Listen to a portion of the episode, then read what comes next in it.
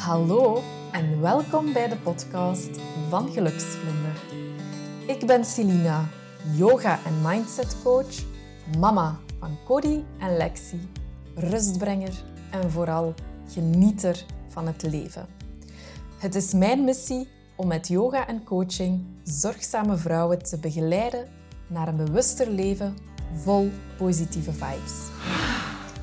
Met mijn enthousiasme neem ik je mee naar een leven met meer bewustzijn waar jij je goed kan en mag voelen. In deze podcast staan yoga, persoonlijke groei, zelfzorg en positiviteit centraal. Hiermee inspireer ik jou om goed voor jezelf te zorgen, zodat jij anderen kunt blijven ondersteunen en voor hen kunt zorgen.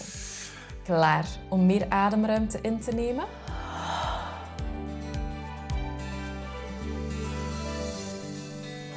Hallo en welkom bij deze tiende aflevering al van de Geluksvlinder podcast.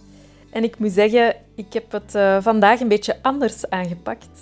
Ik uh, zit hier in mijn zetel, omgeven door dekentjes. Het is avond, ik heb hier ook een glaasje cava bij mij staan, want ik heb iets te vieren.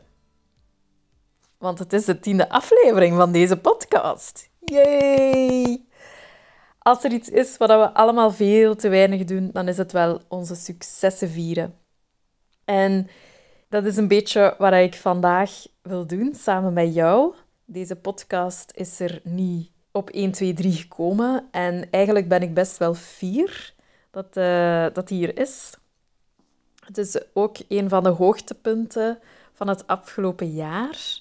En dat is eigenlijk een beetje wat ik leerde toen ik bezig was met mijn jaarreflectie van Amai, die podcast. Ik ben daar eigenlijk zo lang mee bezig geweest al. Uh, of laat ons zeggen, ik heb al zo lang het idee gehad om het te doen. Maar het nooit echt verwezenlijkt. En het is echt zo fijn om te weten dat er geluisterd ook wordt naar mijn podcast. Maar vooral dat mijn podcast impact heeft. Dat jij er iets kan uithalen, dat ik jou kan inspireren en, en dat ik jou daarmee kan helpen. Dat is voor mij echt het meest belangrijke.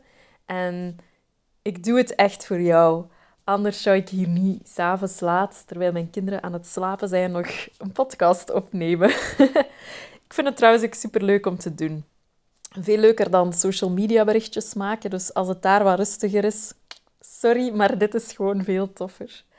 En um, ja, ik ben dus bezig met, met mijn jaarreflectie en er zijn zo nog een aantal dingen die, die ik geleerd heb het afgelopen jaar, die ik graag met jou zou willen delen. Het zijn ook dingen die hebben bijgedragen aan mijn persoonlijke groei. En het eerste wat ik eigenlijk gedaan heb, is mijn tijdsbesteding onder de loep genomen. Het is dus eigenlijk zo dat Cody naar school is beginnen gaan het afgelopen jaar en ineens had ik minder tijd. En ik had enorm veel paniek, want ik dacht, hoe moet ik nu in godsnaam alles gedaan krijgen op veel minder tijd? En ik ben eigenlijk gaan kijken, hoe, ja, wat is tijd? Wat, wat, wat vind ik belangrijk om te doen en waar verdoe ik soms mijn tijd aan? Want ja, ook ik scroll soms te veel op Instagram. En kan ik toch die tijd op een andere manier gaan invullen? Zijn er manieren om iets efficiënter te werken, zowel in mijn privé als in mijn professioneel leven, bij mijn yogastudio? En ik moet zeggen, voor mij was het een heuse eye-opener. Als Cody naar school is gegaan, had ik minder tijd, maar ik ging ook efficiënter werken. Ik uh, kreeg eigenlijk meer gedaan dan dat ik anders uh, van 9 to 5 zou werken. En dat is eigenlijk echt wel zot. Dat, uh, dat dat eigenlijk ja, er heeft toe bijgedragen dat ik nu ook veel beter mijn tijd beheer en uiteraard ook mijn energie. Want tijd en energie die zijn echt verbonden met elkaar. Het is heel vaak dat we bepaalde dingen niet doen omdat we zeggen dat we geen tijd hebben, maar ondertussen zit je bijvoorbeeld wel uh, een hele avond te scrollen op uh, social media ja, daar zit ergens een soort van discrepantie tussen, zou ik zo zeggen. Nu, ik heb dat niet alleen gedaan. Ik heb, uh, ben mij daar ook in in gaan verdiepen, want het woord dat ik gekozen had in 2023, dat mijn jaar ging gaan typeren, of het thema van dat jaar, was focus. Dus ik had mijzelf daar eigenlijk al een beetje toe gebracht van oké, hoe ga jij meer focus gaan brengen in je leven? Hoe kan ik dat doen? En de tijdsbesteding was daar dus eigenlijk één dingetje van. Het tweede wat ik gedaan heb, is ik ben verschillende keren uit mijn comfortzone gekomen. En eigenlijk doen wij mensen dat niet graag. Onze comfortzone is zo fijn, is zo leuk. Maar ik herinner mij nog een quote van een aantal jaar geleden. Life begins at the end of your comfort zone. Het is pas wanneer jij uit je comfortzone gaat komen, dat je iets gaat leren, dat je gaat groeien en dat die comfortzone ook groter wordt. Zo heb ik een boek uitgebracht. Ik heb, om dat boek te promoten, voor het eerst een radio-interview gegeven. Ik was echt super, super zenuwachtig. Ik heb dan ook... Um, het eerste wat ik zei was dat ik de verkeersregels aan mijn laars had gelapt. Dus dat was ook niet slim om mee te starten in dat radio-interview. Maar ik moet zeggen, ik heb dan een week erna een tweede gegeven en dat ging bijvoorbeeld al veel vlotter. Ik had daar net iets minder uh, stress voor. Het was gezonde stress, ik zal het zo zeggen. Maar het heeft er wel weer voor gezorgd dat ik ja, gegroeid ben, dat mijn comfortzone gegroeid is. En ja, mijn boek heeft daar eigenlijk een stukje toe bijgedragen, omdat hij mij zoveel nieuwe paden heeft gegeven of laten tonen.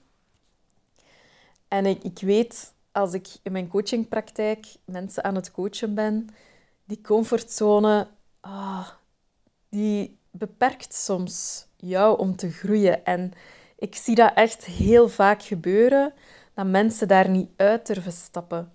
En, en, en gewoon in een comfortzone blijven zitten. Je zou het ook een gouden kooi kunnen noemen als je aan werkvlak denkt.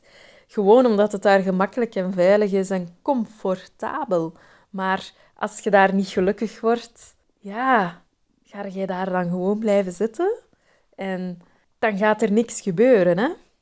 Dus ik nodig je zeker uit om, om een keer te kijken hoe dat je uit jouw comfortzone kan komen. En begin op een kleine manier. Dat hoeven niet direct grote stappen te zijn, maar alles wat ervoor zorgt dat je een beetje uit die comfortzone komt, zodanig dat jij kunt groeien, dat is gewoon perfect. Dat is heel goed om te doen. En dan het derde wat ik graag nog wil delen, dat is dat ik afgelopen jaar ben ik van bijberoep naar hoofdberoep gegaan. Dat wil natuurlijk zeggen dat ik niet meer maandelijks een bepaald bedrag op mijn rekening krijg, tenzij ik dat zelf bepaal. Uh, dus dat zorgde ook best wel wat voor wat mentale onrust, hè, want, want die zekerheid valt een beetje weg. En wat ik dan gedaan heb, is eigenlijk, ik ben hulp gaan vragen. Want die mentale onrust werd ook groter en groter. Eh, het zorgde voor slapeloze nachten. En uh, zeker op het moment dat je dan gewoon eens niet genoeg geld hebt om jezelf een loon uit te betalen, ja, dat is helemaal niet fijn. Hè?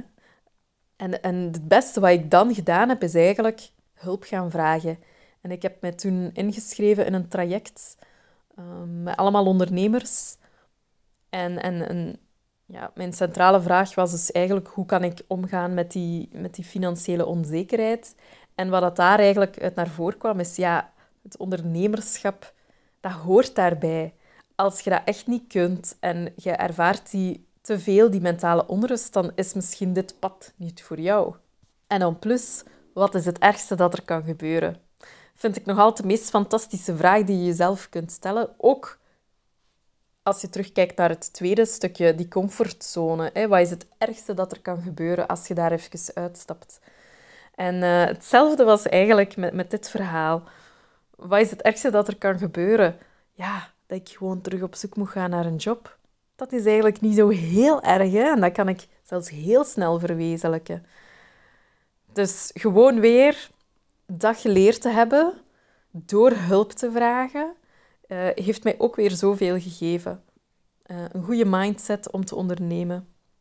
En een goede mindset om om te gaan met die financiële onzekerheid. Op privévlak heb ik ook hulp ingeschakeld. Ik ben voor het eerst naar een psycholoog gestapt. Ik heb ook danstherapie gevolgd. En dat heeft mij al zoveel bijgebracht. Eigenlijk zouden wij allemaal gewoon eens naar een psycholoog moeten gaan, omdat je daar zoveel van uit kan leren. En uh, ja, kijk, ik zit in de zetel, de babyfoon staat achter mij. Is misschien voor je mijn dochtertje hoesten. Maar wat ik eigenlijk wil zeggen is, is hulp vragen is oké. Het is zelfs misschien het beste wat je kan doen op momenten dat je het zelf niet meer zo goed ziet of allemaal niet zo goed weet. Dus als jij graag wil groeien volgend jaar, dan kan jij ook de acties gaan doen die ik heb gedaan. Je tijdsbesteding gaan herbekijken.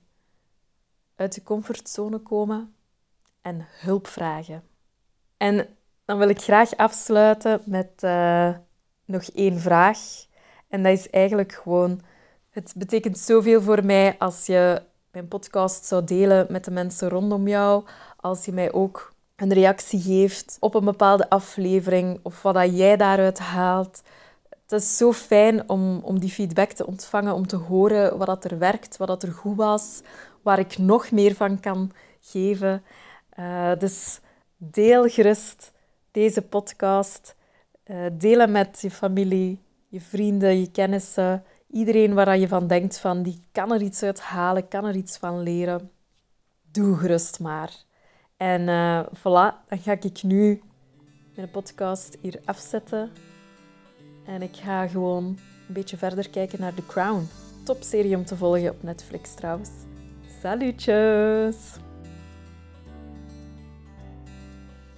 Bedankt om te luisteren. Vond je het een leuke aflevering en wil je graag meer weten? Abonneer je en laat een review achter in de app waarmee je luistert. Tot de volgende keer!